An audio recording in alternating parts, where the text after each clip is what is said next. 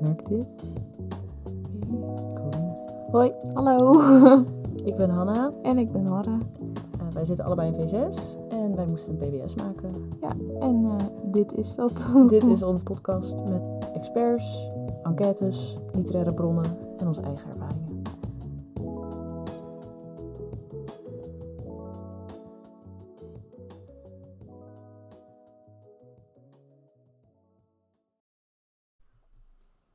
Nou, hallo. Hallo. Fijn dat u luistert naar onze podcast. Ja, ik ben Nora En ik ben Hanna. En, En- we zitten allebei in V6. op Neorelia. En voor ons profielwerkstuk hebben wij besloten eh, deze podcast te maken. En het eh, onderwerp is de invloed van het bewegingsonderwijs eh, op de mentale gesteldheid van leerlingen. En eh, aan de hand van deze podcast willen we een beetje eh, laten horen wat wij precies allemaal gevonden hebben en uitgewerkt en ontdekt. En dat gaan we doen aan de hand van verschillende afleveringen. En dit is aflevering 1. Dus welkom. Veel luisterplezier Ja. alvast. En eh, ik ben benieuwd of wij misschien eh, iets nieuws aan, aan jullie kennis kunnen bijdragen. of aan die van onszelf. Inderdaad. Nou, nou, we zeiden het al, we gaan het hebben over de, de invloed van bewegingsonderwijs op de mentale gesteldheid. En waarom hebben we dat onderwerp eigenlijk gekozen? Eh, nou, het begon eigenlijk een beetje bij onze eigen ervaring. Wij hebben zelf niet per se hele positieve ervaringen gehad met bewegingsonderwijs, kan ik denk ik wel stellen. Wij waren gewoon vooral heel erg benieuwd of wij de enigste waren die dit ook vonden. Want op zo'n moment, als je er zo negatief over voelt, voelt het eh, misschien voor sommige mensen, in ieder geval voor mij, en ik denk dat ik het ook voor jou kan zeggen, Ja, alsof je heel erg er alleen in ja staat heel en zo. eenzaam. Dus wij waren benieuwd, is dat nou echt zo? Of zijn er ook andere mensen die er zo over denken? En hoe kunnen we het nou voorkomen dat mensen zich zo voelen? Waarom kunnen we het niet gewoon een fijne omgeving voor iedereen maken? Want het is een hartstikke leuk vak. Hoe benut je dat nou het beste? Ja, Ja. we hebben meerdere onderzoeksmethodes gebruikt daarvoor. Onder andere hebben wij een enquête afgenomen die uiteindelijk toch wel door 135 mensen is ingevuld. Eh, vooral in de leeftijd van de bovenbouw middelbare school, want dat is ook een beetje onze doelgroep. Eh, deze mensen hebben natuurlijk zes jaar of nou ja, soms vijf of vier jaar ervaring op de middelbare school gehad met deze lessen. Eh, het zit ook nog wel vers in hun geheugen, dus daar kunnen we het meest mee. En ook omdat dat onze eigen leeftijdsgroep is. En het ook wat ehm, kunnen we meer aan relateren misschien. En eh, we hebben ook mensen geïnterviewd. Mensen zoals de zorgcoördinator bij ons op school, meneer Fij. Eh, iemand eh, van de GGD Zeeland, mevrouw Gorsenberg. Twee leerlingen bij ons op school. En nog een En gymdocent. een gymdocent inderdaad. En deze mensen zullen gedurende de afleveringen te horen zijn met wat zij zelf vinden en zelf gevonden hadden ook. Ja, hun eigen ervaringen en inzichten over het onderwerp.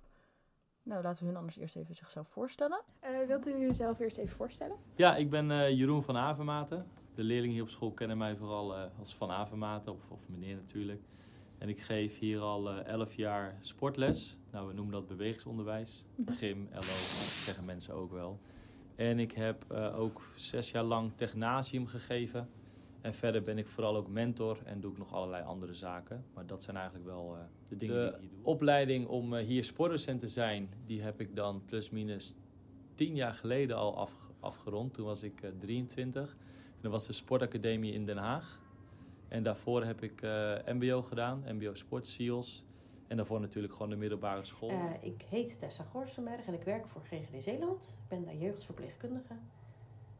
Ehm, verder ben ik moeder. Ik ben eh, 37.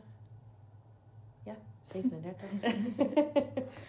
ja, En, en eh, u zegt dat u jeugdverpleegkundige bent. Wat houdt uw functie precies in?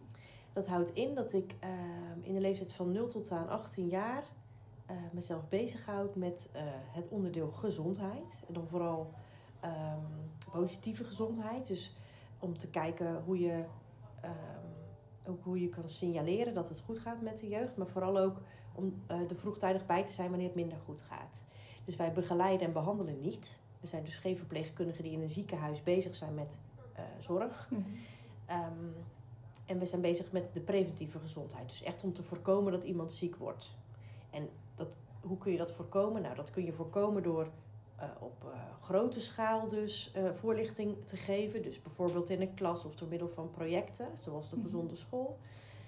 Um, ofwel doordat wij altijd in de tweede klas en in de vierde klas gezondheidsgesprekken hebben met jongeren.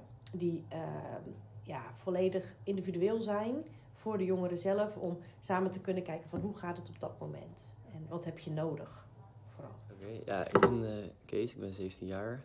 Ik woon in Middelburg en... Um, ik zit op Nealenia, VWO 6. Ja, ik ben Dennis Vij. Ik ben de zorgcoördinator. Tegenwoordig heet het trouwens de ondersteuningscoördinator van de Breeweg, HAVO VWO. En ik help leerlingen die op nou ja, wat voor gebied dan ook eigenlijk problemen hebben. Het kan zijn leergebied, het kan sociaal-emotioneel zijn. Ik kijk of wij de leerlingen intern kunnen helpen met mensen die bij ons op school werken. Maar kijk ook of dat niet volstaat, of we externe moeten betrekken. Dus dan kijk ik naar psychologenpraktijk, orthopedagogen en soms ook uh, medische uh, instituten, fysiotherapeuten, artsen. Dus ja, ik probeer het zo, goed mogelijk te regelen voor de leerlingen. Dat ze, wat er ook aan de hand is, nou, een diploma kunnen halen. Dat is mijn taak. Uh, ik ben Alissa Hendricks, ik ben 17 jaar. Ja, ik zit nu in V6 in mijn eindexamenjaar. Uh, ik heb, ben in HAVO 2 doorgestroomd naar VWO 3. Uh, ja, in mijn vrije tijd zit ik eigenlijk alleen op toneel. Ik doe verder niet aan sport. Dat is het wel zo'n beetje. Ik woon in Middelburg. Dus deze mensen kunt u verwachten in de aankomende afleveringen. Wij weten natuurlijk al wat ze allemaal hebben verteld aan ons. Mm -hmm. Maar voor u blijft het nu nog even afwachten. En uh, u zult ze snel weer terug horen. Ja, want eigenlijk uh, gebruiken wij uh, de interviews die wij afgenomen hebben. Ja, een beetje als een soort richtlijnen, denk ik. Naar, aan de hand van wat we precies gaan vertellen. Zodat u niet alleen maar cijfers hoort en onderzoeken. Maar ook gewoon mensen hun eigen ervaringen en eigen bevindingen. Want dat vinden wij ook gewoon heel erg belangrijk. Ja, zeker. Omdat dat hebben we ook wel gemerkt tijdens ons literaire bronnenonderzoek. Daar zullen we ook later nog wat meer over vertellen. Um, er is vooral heel veel aandacht voor de fysieke invloed van bewegingsonderwijs. En natuurlijk, we kunnen niet ontkennen dat het belang van bewegingsonderwijs enorm groot is. En gewoon het bewegen is heel belangrijk voor de gezondheid mentaal en fysiek. Maar de manier waarop het bewegen wordt vormgegeven kan ook minder positieve effecten hebben op de leerling. Um, en daar is gewoon nog niet zo heel veel onderzoek naar geweest. En daarom hebben wij ook wel ervoor gekozen om veel zelfonderzoek te doen. Om te zorgen dat we wel genoeg informatie hadden om het een beetje te onderbouwen. We waren eigenlijk een soort verplicht om zelf heel veel onderzoek te doen. Want uh, tijdens uh, ons bronnenonderzoek, ons literaire bronnenonderzoek, zijn we er ook vooral erg afgekomen dat er eigenlijk helemaal geen onderzoek naar is gedaan. Naar wat bewegingsonderwijs nou eigenlijk doet met, met uh, ja, gewoon de mentale gezondheid van een leerling en hoe een leerling uh, gewoon erin staat tijdens zo'n vak. Het gaat vooral heel erg om het bewegen. En natuurlijk is daar al zoveel over bekend met dat het zo goed is voor fysiek, maar ook mentaal voor leerlingen. Of gewoon voor mensen überhaupt. Maar wij hebben zelf, denk ik, ervaren, kan ik wel zeggen. En uh, ja, ook van andere mensen vooral ook gehoord. Dat uh, bewegen en bewegingsonderwijs eigenlijk twee hele verschillende dingen zijn. Klopt. Je kan uh, sporten en bewegen heel leuk vinden als je het op je eigen manier vormgeeft. Maar toch enorm struggelen met uh, de lessen bewegingsonderwijs. En ja, dat is gewoon toch wel vervelend. En dat willen we natuurlijk graag oplossen. Kijken hoe we dat kunnen verbeteren. Waarom dat in zit. En dat uh, hebben we dus aan de hand van die interviews gedaan, vooral. En in de enquête. En de enquête heeft ook wel bevestigd dat wij niet de enige zijn die met een minder positief beeld terugdenken aan de afgelopen zes jaar bewegingsonderwijs. Nee. Dus dat was ook wel fijn om te zien dat je dus niet alleen bent daarin. Maar aan de andere kant is het natuurlijk eigenlijk ook helemaal niet goed om dat terug te zien. Want het zou een heel fijn plekje moeten zijn in het schoolrooster. En dat is dus helaas nog niet voor iedereen zo. En dat willen we graag verbeteren, denk ik. Ja, en uh, we hebben tijdens uh, in onze enquête hebben wij ook gevraagd Van geef het vak nou eens een cijfer. Hoe ervaar je het met het sporten en zeg maar gewoon met het klas zijn en samen zijn.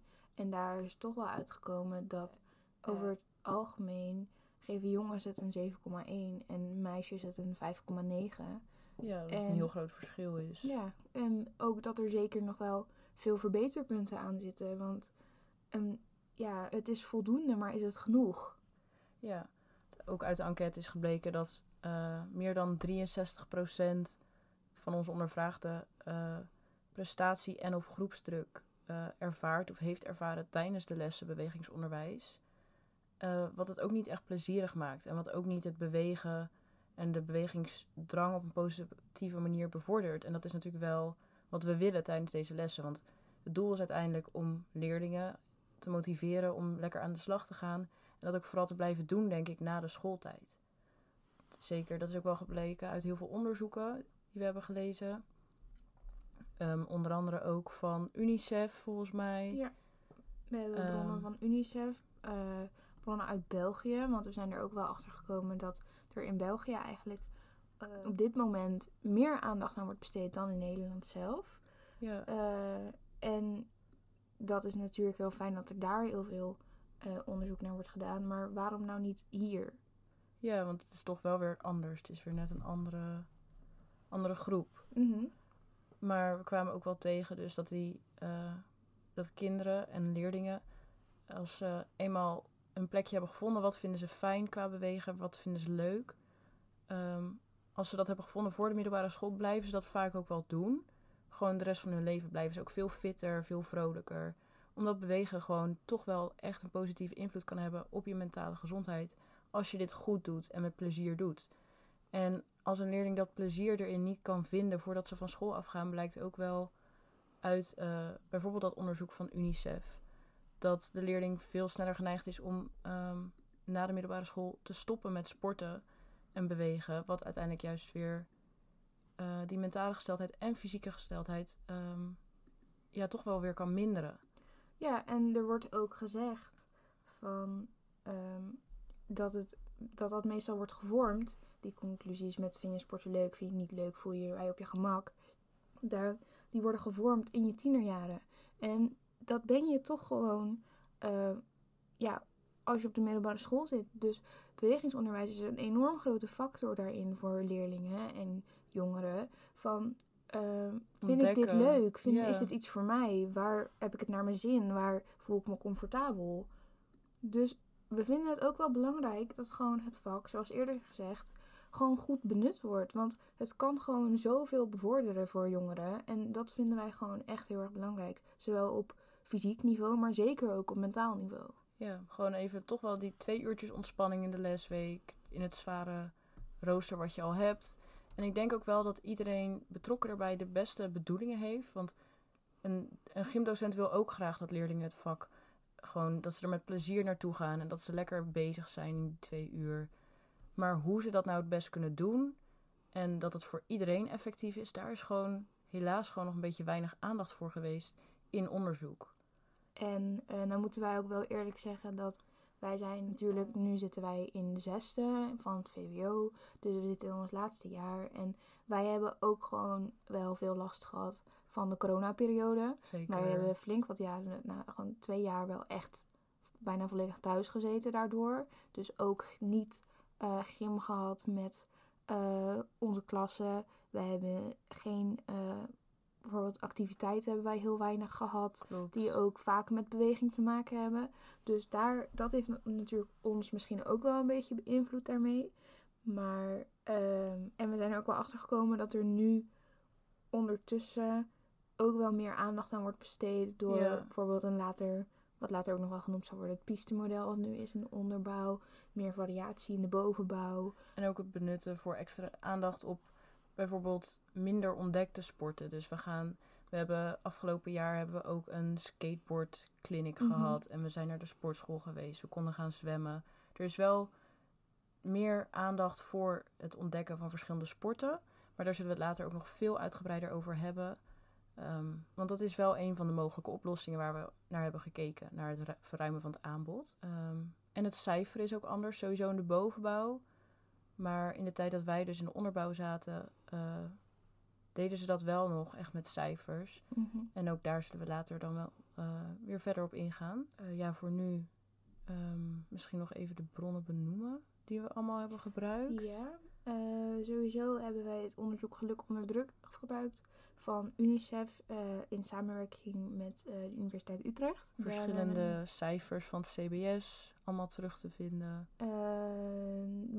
Van de Muller Instituut, die eh, uit 2017 komt. Dat is ook nog best wel een eh, recent onderzoek. En dat ging dan over de effecten van sport en beweging op de basisschool. Ja. Want het is natuurlijk zo, wij praten veel over middelbare scholieren.